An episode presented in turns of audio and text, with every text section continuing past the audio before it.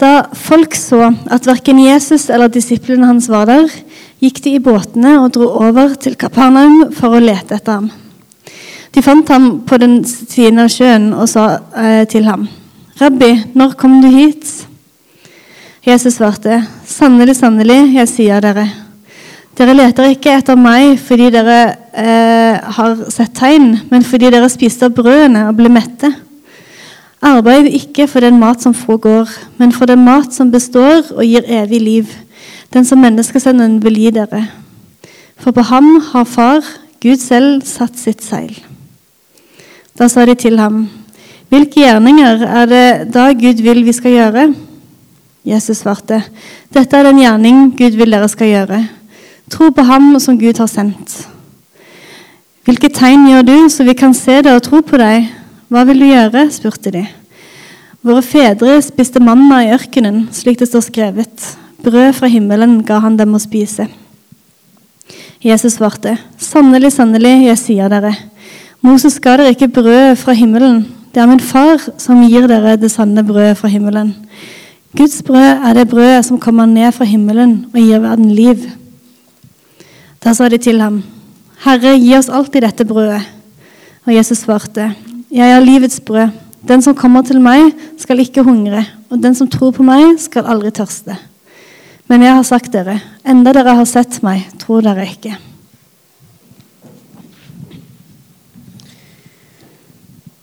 De kom til Jesus fordi de var sultne. Og det var nok ikke så uvanlig at de var akkurat det sultne. Fordi de var fattige. De levde under enkle kår.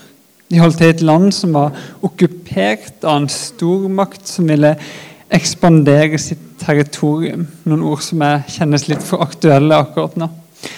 De hadde vært sultne. Men dagen før så hadde Jesus gitt dem mat, og de var blitt mette. Han hadde gjort en liten matpakke tre fisker og fem brød om til et festmåltid for mange tusen mennesker.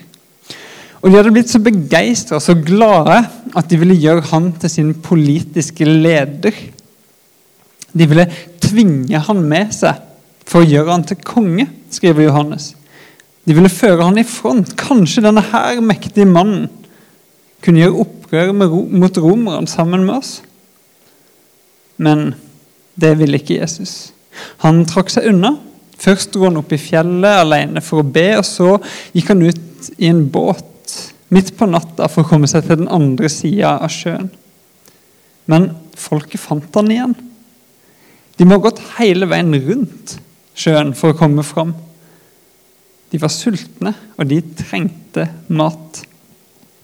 Jeg tror de fleste av oss vet lite om hva det vil si å være så sulten at du ikke har, eller så, så fattig at du ikke har råd til mat. Vi går sjelden rundt og er redde for at vi eller barna våre skal gå sultne til sengs. Men så kommer altså fastetida til oss. En gang i året. Og vi blir invitert til å være sultne. Til å bli så sultne at vi kan ha solidaritet med de som sulter så sultne at vi begynner å lengte. Ikke bare etter brød som gir oss liv, men etter Han som er hele livets kilde. For å være ærlig så har ikke jeg så veldig mye erfaring med å faste fra mat. Og det er det kanskje få av oss som har. Jeg gjør det stort sett enkelt for meg sjøl i fastetida. Og så faster jeg fra noe sånt som sosiale medier eller dataspill eller søtsaker eller kjøtt og alkohol. noe sånt. Men jeg har aldri fasta fra mat, all mat, i en lengre periode. I hvert fall ikke sånn som Jesus gjorde det. Matteus skriver i sitt evangelie at rett etter at Jesus ble døpt, så fasta han i 40 dager og 40 netter. Og han ble til sist sulten. Og Lukas skriver han spiste ingenting de dagene, og da de var gått, var han sulten. 40 dager uten mat. Og så ble han sulten. Det er jo mildt sagt en underdrivelse. Fastetida vi er inne i nå, som vi henter våre bibeltekster fra, den varer i 40 dager pluss søndager. Det er inspirert av Jesus sin faste. Jesus han visste hva det var å være sulten.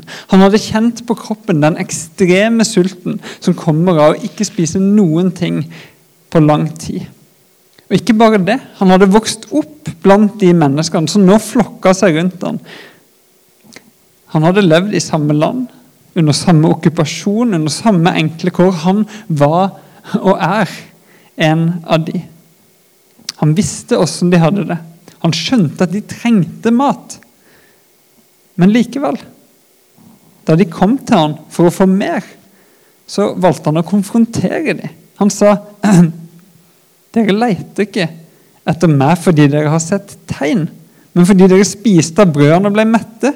'Arbeid ikke for den mat som forgår, men for den mat som består' og gir evig liv, den som menneskesønnen vil gi deg, dere. Det er akkurat som han sier ja. Dere er sultne. Men har dere kontakt med den dypere sulten i dere?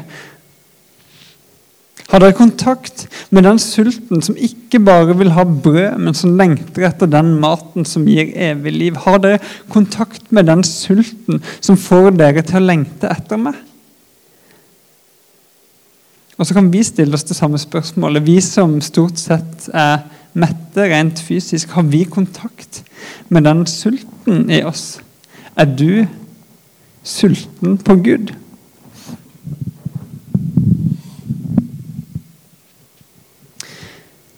En gang da jeg var student, så bestemte jeg meg for å prøve å faste litt skikkelig. Så jeg gikk 24 timer uten mat. Fra klokka 6 fredag kveld til klokka 6 lørdag kveld. Jeg husker Noe av det som slo meg, var hvor mye tid jeg fikk. For En bruker ganske mye tid på mat i løpet av en dag. På å lage mat, på å tenke på hva en skal ha for noe, på å forberede det, på å vaske opp igjen etterpå. Men plutselig var det ingenting av det. Tida jeg fikk til overs, eller tida i det hele tatt, hadde jeg lyst til å bruke til å søke Gud det døgnet jeg fasta. Så jeg gikk bl.a. en lengre tur rundt i Oslos gater med Eh, headset på og hørte på Markus-evangeliet på lydbok. Og Dette var en god opplevelse. Og Jeg tror faktisk jeg fikk litt mer kontakt med den dypere sulten i meg sjøl ved å faste. Den som lengter etter Gud. Og Når jeg tenker tilbake på det nå, så tenker jeg kanskje jeg skulle prøve den igjen snart. Kanskje jeg skulle gjøre dette oftere. Og Kanskje noen av dere har prøvd det. Kanskje mer enn det her. Eller kanskje noen tenker nå ja, faste et døgn fra klokka seks til klokka seks, det kan jeg klare. Det har jeg lyst til å prøve. Et døgn der jeg virkelig ber og søker Gud. Det er fastetid nå, og vi er invitert til å være sultne. Men i dag er det søndag, og man faster ikke på søndag. Søndag er festdag, og vi er invitert hit for å spise. Vi skal få lov til å ta imot den maten som Jesus vil gi oss, den som består og gir evig liv. Jeg er livets brød, sa Jesus. Den som kommer til meg, skal ikke hungre, og den som tror på meg, skal aldri tørste. Så vi skal få lov til å komme til Jesus i dag. Vi skal spise brød og drikke vin. Eller druejus. Eh, og vi skal ta imot Jesu kropp og Jesu blod. Vi skal feire nattverd sammen. Og Resten av undervisninga mi skal rett og slett være en slags forberedelse på det måltidet vi skal ha sammen. Eh, før jeg går videre, så vil jeg be. Hellige Ånd, jeg ber om at du må hjelpe oss å få kontakt med sulten i oss sjøl. Den som lengter etter Jesus. Gud, jeg ber om at vi må få et rikere og større bilde av nattverden gjennom de ordene jeg deler i dag. Og så ber jeg Jesus om at du må vise deg klart og tydelig for oss. Både i undervisninga, gjennom å møte bibelteksten og i måltid vi skal dele sammen i nattverden. Amen. Jesus sa Dere leter ikke etter meg fordi dere har sett tegn men fordi dere spiste av brødene og blei mette. Tegn det er et nøkkelord i hele Johannes evangeliet. Den første halvdelen av boka er bygd opp rundt syv tegn som Jesus gjorde, og måten folk reagerte på disse tegnene. Han gjorde vann til vin. Han gikk på vannet. Han metta 5000 mennesker i ødemarken, som vi hørte om i stad. Han helbreda syke ved flere anledninger. Og så reiste han til og med sin venn Lasarus opp fra de døde. Teologen N.T. Wright skriver i boka 'John for Everyone'.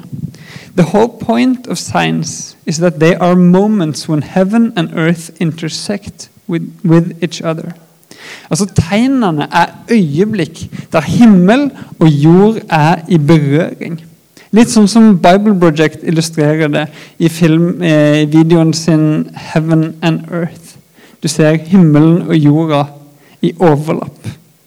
Så når Jesus tar disse tre fiskene og fem brødene og gjør det til mat for tusenvis av mennesker midt ute i ødemarka, så var dette et sånt øyeblikk da himmel og jord var i berøring. Og disse her tegnene, disse øyeblikkene Det er ikke bare sånne spektakulære eh, hendelser som Jesus gjorde for å imponere, for å få oppmerksomhet. Nei, det er noe mer. Disse øyeblikkene de viser noe av hvem Jesus er. De viser oss at han virkelig er det stedet der himmel og jord møtes. Han er den som er fullt ut menneske og fullt ut Gud. I slutten av evangeliet sitt så skriver Johannes at Jesus gjorde drøssevis av sånne tegn. Mange flere enn de syv han hadde skrevet ned i boka si. Men så sier han disse er skrevet ned for at dere skal tro at Jesus er Messias, Guds sønn, og for at dere ved troa skal ha liv i hans navn. Liv i hans navn. Det var jo noe av det Jesus sa i den teksten vi hørte i stad. Han sa dere leter ikke etter meg fordi dere har sett tegn, men fordi dere spiste av brødene og ble mette. Arbeid ikke for den mat som forgår, men den mat som består og gir evig liv, den som menneskesønnen vil gi dere. Og da sa de til han, hvilke gjerninger er det da Gud vil vi skal gjøre? Altså, Hva kan vi gjøre for å fortjene dette her evige livet som du snakker om? Men Jesus svarte dette er den gjerning Gud vil dere skal gjøre. Tro på Han som Gud har sendt. Tro på meg. Stol på meg. I det har dere evig liv. Ja, ja, ja, men det er ikke så lett for oss å tro på deg, Jesus. Så hvilke tegn gjør du? Sånn at vi kan se det og tro på det. Hva vil du gjøre? spurte de. Våre fedre de spiste manna i ørkenen. Slik det så skrevet brød fra himmelen ga han de å spise. Jesus, hvis du vil vi skal tro, så må du gi oss flere tegn. Sa de. Men så lurer jeg på, når jeg leser det her Dette er bare en mistanke jeg har, at kanskje de hviska seg sjøl litt imellom at eh, Du, bare spill med på greia hans. Kanskje vi kan få han til å lage enda mer brød? Kanskje han kan lage mer mat for oss? Så ja, hvilke tegn gjør det Jesus? Blir det mer, eh, mer å spise? Hvilke tegn gjør det? Tegn. Det går gjennom hele Johannes-evangeliet. Men hva er egentlig et tegn? Ja, Det er et øyeblikk da himmel og jord møtes. Men når vi bruker ordet tegn i dag, hva er det vi snakker om da? Eh, Johannes-evangeliet er skrevet på gresk, som det meste av Det nye testamentet. Og på gresk Nå kom han, bildet av han der først. Eh, han får dere vite snart hvem er. eh, tegn på gresk er semeion. Og Det ordet har gitt navn til et fagfelt som vi har i dag, som heter semiotikk. Og Jeg har faktisk studert litt semiotikk. Den gangen jeg gikk rundt og fasta i Oslos gater, så var jeg student på, i medie og kommunikasjon. Og Da studerte jeg bl.a. dette feltet. Jeg ble kjent der med en filosof som dere ser på bildet her, som heter Charles Pearce. Han hadde utvikla en tegnteori, en semiotikk, der han skilte mellom tre typer tegn. Og Nå tror ikke jeg at verken evangelisten Johannes eller Jesus tok utgangspunkt i Charles Pearce sin tegnteori da de snakka om tegn. Men likevel så har jeg opplevd at når jeg bruker hans teori på dagens bibeltekst og på nattverden, som er et tegn, et tegnmåltid som vi skal få feire etterpå, så, så åpner det tankene mine. Det sorterer tankene mine litt om hva det egentlig som skjedde der og da, da Jesus metta folk i ødemarka, og hva som skjer her og nå når vi feirer nattverd. Så vi skal rett og slett se på først bibelteksten, og så nattverden, med Charles Pearce sin tegnteori som briller. Pearce han sier at det fins tre typer tegn. Det er ikon, indeks og symbol. Ikke vær redd. Det er ikke så vanskelig som det høres ut. La meg få forklare én etter én. Den første typen tegn er ikon. Et tegn det kan fungere som ikon når det ligner på det det er et tegn for. Sånn som massevis av ikonene du har på mobiltelefonen din, som ligner på klokker eller kalkulatorer eller sol for lysstyrke eller kamera eller hva enn det er. Da Jesus gjorde disse fiskene og brødene i ødemarka om til et måltid for tusenvis av mennesker, så ligna det på en historie som folk kjente godt. Israelittene hadde mange hundre år tidligere vært, med, vært på en flukt ut fra Egypt. De var i ødemarka, og der metta Gud de med manna, en type brød. Og Ut fra den samtalen vi leste i stad mellom Jesus og de, så så er det tydelig at denne koblinga, den tar de. Og Så skjønte de kanskje det at Oi, her skjer det noe. På en lignende måte som Moses tok israelittene ut av slaveriet og fangenskap og undertrykkelsen i Egypt. Kanskje Jesus skal fri oss ut fra undertrykkelsen nå? For okkupasjonsmakten. Så var det kanskje ikke på akkurat den måten Jesus skulle sette dem fri. De hadde lyst til å gjøre ham til en politisk konge. Men han endte opp med å få en tornekrone og dø på en, et kors. Og det ble stedet der han satte de og oss fri. Ok, Så første type tegn er ikon. Det handler om likhet. Den andre typen er indeks. Indeks, Indeksfinger, det er pekefingeren din. Det er når tegnet har en direkte relasjon med det som det er et tegn på. Sånn som røyk er tegn på at det fins ild. Fotspor kan være tegn på at noen har gått, og retningen de har gått. Eller blomster og fuglekvitter. Det er et tegn på at våren kommer. Tegnet er rett og slett en del av det som det peker på. Så Da Jesus gjorde denne lille matpakka til mat for tusenvis av mennesker, da var det, dette et sånt tegn. Et, en indeks. På samme måte som røyk er tegn på at det fins ild, så var matunderet, mirakelet i ødemarka, et tegn på at Guds rike var kommet nær. At der Jesus er, der berører himmelen virkelig jorda. Og Samtidig var det et tegn som pekte framover, mot det som skulle komme. Mot en dag da himmel og jord virkelig for alvor skal bli ett.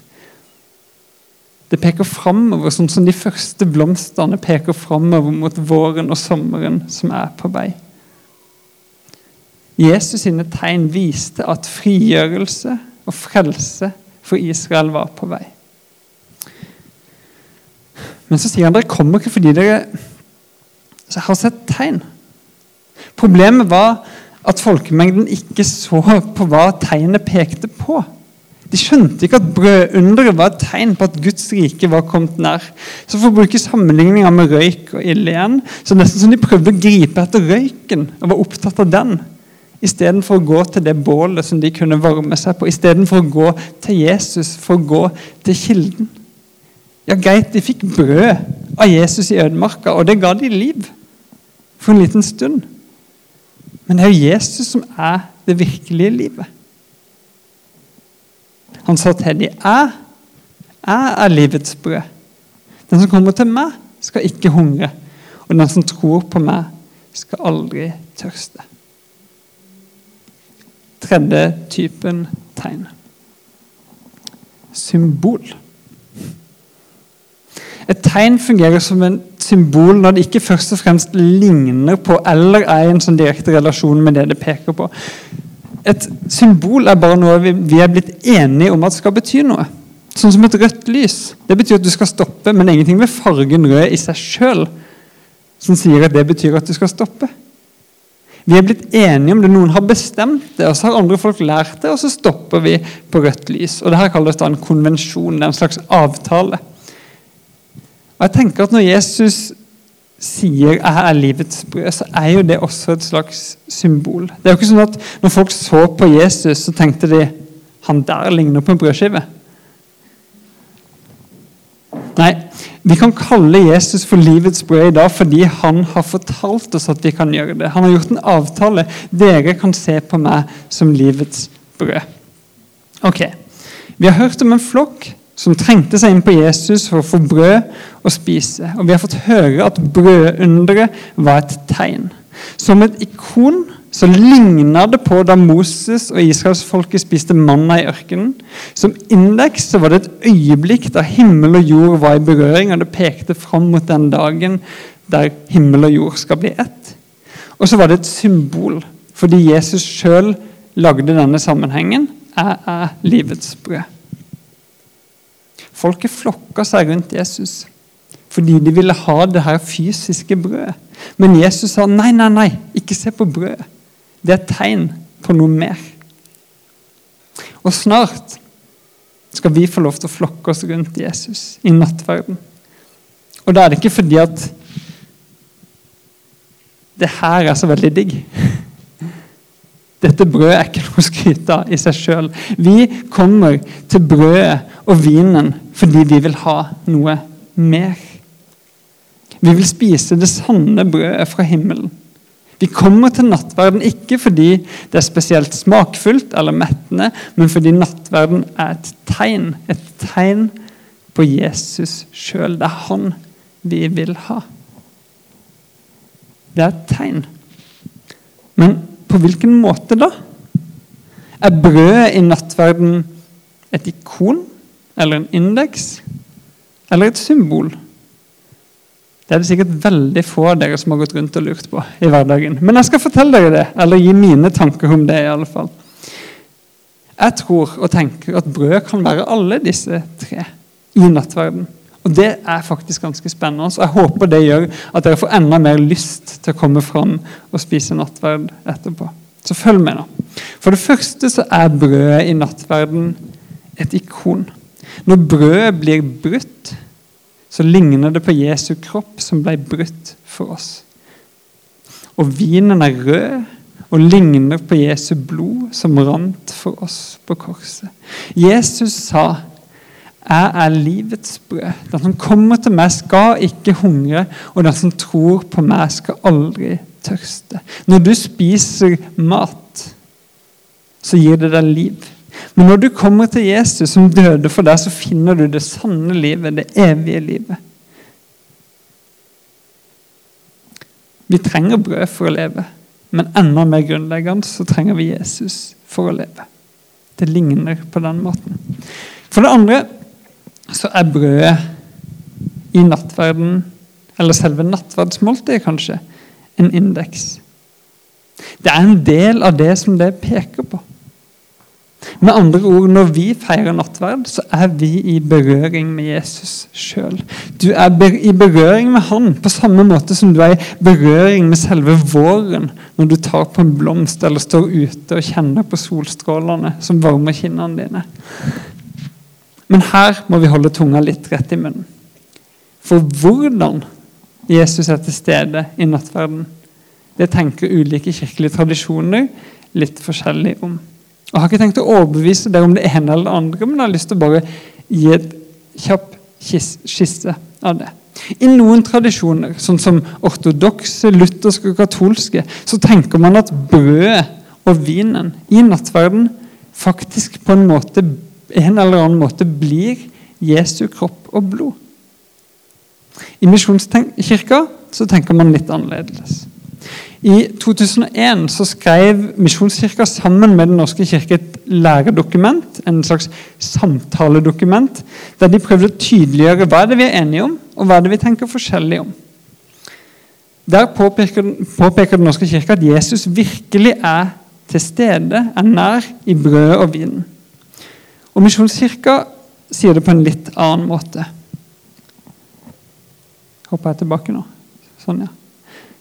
I dette dokumentet så står det Den oppstandende Kristus er nærværende i nattverdshandlingen ved ordet og ånden på en for oss uforklarlig måte. Jesu nærvær og fellesskapet med Kristus i nattverden er knytta til det at vi spiser brød og drikker vin. Med andre ord så tenker vi i Misjonskirka at Jesus er til stede i selve handlinga, i selve måltidet, det vi gjør når vi feirer nattverd. Men uansett hva du tenker, hva du tror om nattverden, så mener egentlig alle kristne at Jesus virkelig er til stede i det måltidet. Når vi spiser brød og drikker vin, sånn som vi skal gjøre etterpå. Nattverden er derfor et sånt øyeblikk der himmel og jord er i berøring. Ja, faktisk like mye som når Jesus gjorde store mirakler på jorda. Om det var å mette en folkemengde i ødemarka, eller å reise Lasarus opp fra de døde. Når vi spiser brød, når vi drikker vin, så bryter det evige livet inn i vår virkelighet, inn i vår verden, på ordentlig. Jeg kjenner jeg begynner å bli sulten. For det tredje så er også nattverden et symbol, det er en konvensjon. Når Jesus innstifter nattverden, så tar han brødet, takker, bryter det og sier 'Dette er min kropp, som er for dere'. Gjør dette til minne om meg. På samme måte tar han begeret med vin og sier dette begeret er den nye pakt i mitt blod. Hver gang dere drikker av det, gjør det til minne om meg. Det er jo usannsynlig at brød og vin i seg sjøl hadde fått oss til å begynne å tenke på Jesus og hva han gjorde på korset, hvis ikke han først hadde lagd denne koblinga for oss, hvis ikke han hadde lagd denne konvensjonen, denne avtalen. Det er jo ikke sånn at Hvis noen av oss setter oss ned på en fransk restaurant nede i byen, og så bestiller vi mat, og så kommer det noe vin til oss først, og så får vi sånne brødbiter til forrett, og så begynner vi å spise på det, så tenker alle rundt oss at høy, se de folka der. De har et minnemåltid for Jesus nå. Nei, Spiser du brød og vin på restaurant, så er det bare brød og vin. Men når vi spiser brød og drikker vin til minne om Jesus i nattverdsmåltid på en gudstjeneste, da er det noe annet som skjer. Paulus han sier at hver gang dere spiser dette brødet og drikker av begeret, forkynner dere Herrens død helt til Han kommer.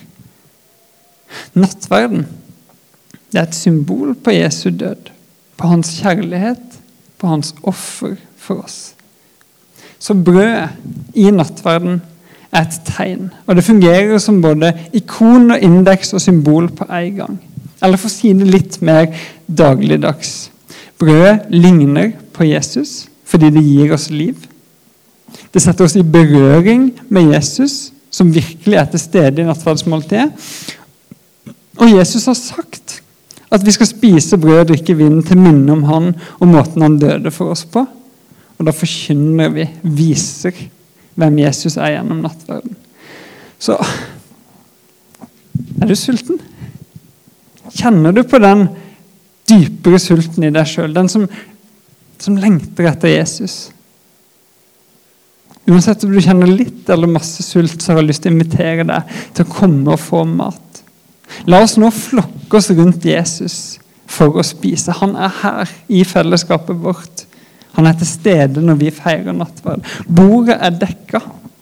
Himmel og jord er i berøring i det vi skal gjøre nå. Så la oss ta imot Jesu kropp, Jesu blod. La oss ta imot nåde og frelse og tilgivelse for alle våre synder. La oss spise oss mette faste på den mat som består og gir evig liv. La oss ta imot Jesus sjøl. Det er han nattverden er et tegn på. Jeg håper du er sulten. Eh, vi skal synge en sang, og så feirer vi nattverden etter det.